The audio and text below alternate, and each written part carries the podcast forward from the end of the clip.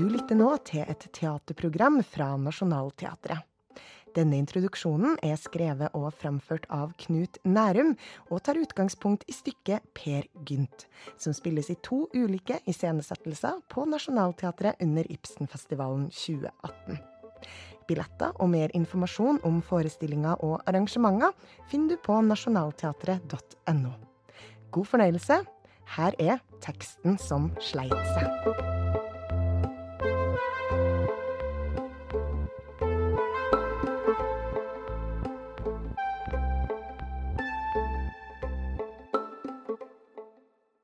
Ibsens Per Gynt, teksten som slet seg.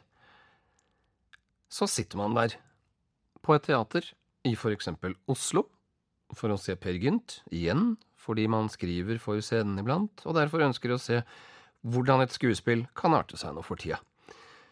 Når man i tillegg har sett stykket før, kanskje til og med flere oppsetninger, blir dette hvordan desto tydeligere. Når man kjenner innholdet, er det lettere å holde øye med formen. Og så begynner det. Og der kommer Per Gynt med Top Gun-solbriller og stort armbåndsur og hawaiiskjorte og en flaske i hånda, for han er både avvisende og rik og vulgær. Og der kommer trollene, de som er seg selv nok, og som eksempel ligner på Nei-bevegelsen i 1994. Og er det ikke en Nammo-logo vi ser i fjerde scene på kysten av Marokko, når Per har slått seg opp til å bli internasjonal storkar gjennom å selge våpen til stridførende parter? Og er han ikke egentlig et bilde på alle oss nordmenn i vår tid, rik på å selge våpen og olje, plump og breial og full av seg sjæl? Slik bruker Teater Norge et stykke fra 1867 til nasjonal selvpisking for ting Ibsen ikke hadde hørt om, av den enkle grunn at det var 1867. Et av Ibsens motiver for å skrive Per Gynt var at Norge ikke stilte opp for danskene i den andre slesvigske krig, at vi var oss selv nok. Han var altså en skuffet tilhenger av norsk krigføring i utlandet. Det er vanskelig å se for seg at Jon Fosse skulle ha skrevet et rasende stykke fordi Norge trekker sine soldater ut av Irak. Dessuten inneholder stykket parodi på nasjonalromantikken, bygdelivets elendighet, bondebryllup med grøftefyll, samt gjøn med vennen Vinje i form av Hu-Hu, målstreveren fra Malabar. Alt dette virker påtrengende norsk. Derfor er det grei skuring at Per Gynt, i Norge, alltid handler om å være norsk, og at nye oppsetninger ønsker å bruke stykket til å si noe om hva det innebærer å være norsk nå. Men når stykket settes opp i utlandet, er ikke det fordi resten av verden ønsker å utforske norskhet. Så interessante er vi ikke for andre enn oss selv. Stykket fungerer heller ikke som norsk etno-kitsch à la trallende huldrer langs Flåmsbanen.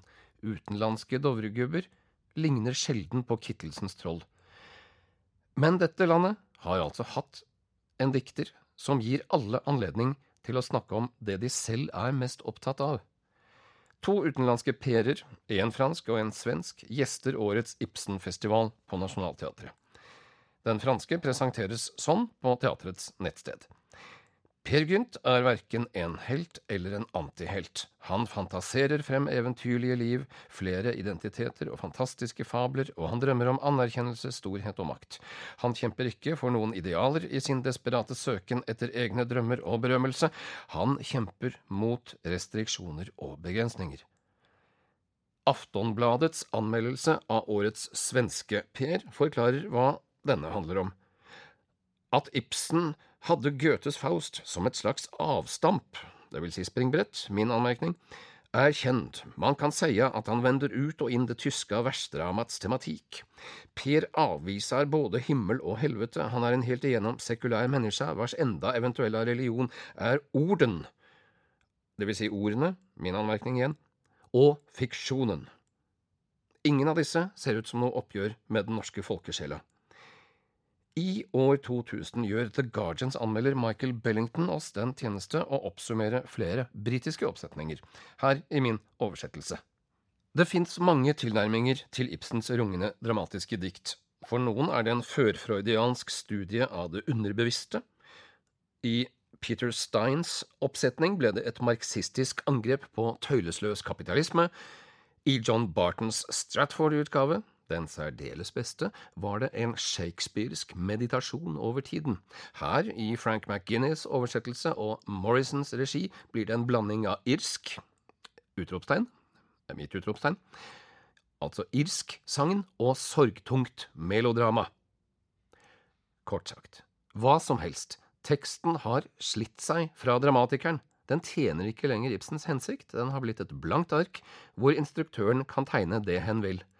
Dette er Ibsens straff for å ha skrevet en tekst som er så vanskelig å sette i bås, som inneholder både satire, folklore og eksistensiell gubbegrubling hvor parodien på nasjonalromantikk ikke er feitere enn at den kan fremføres som streit nasjonalromantikk.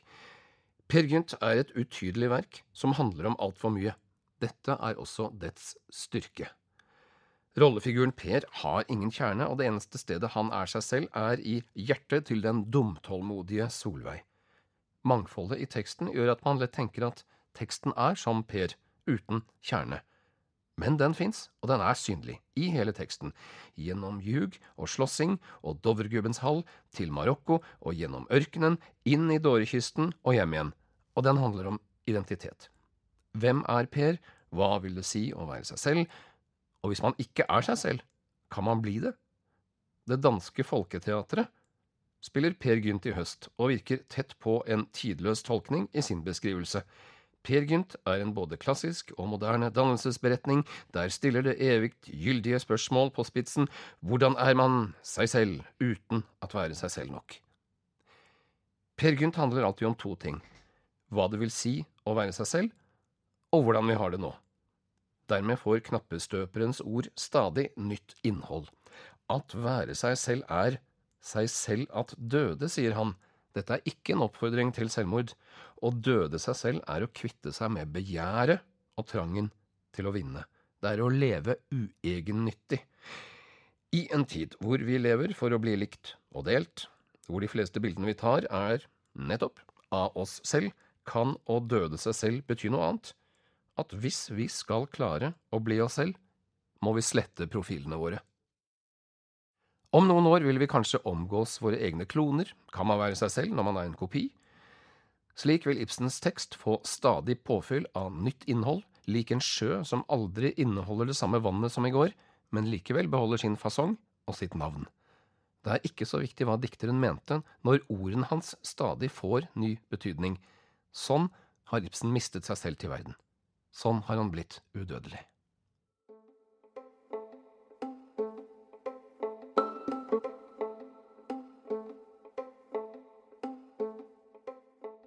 Takk for at du hørte på et teaterprogram fra Nationaltheatret. Musikken du hørte, er komponert av Gaute Tønder. Husk at du kan følge Nationaltheatret på både Facebook og Instagram. Vi håper å se deg i salen. Velkommen i teatret.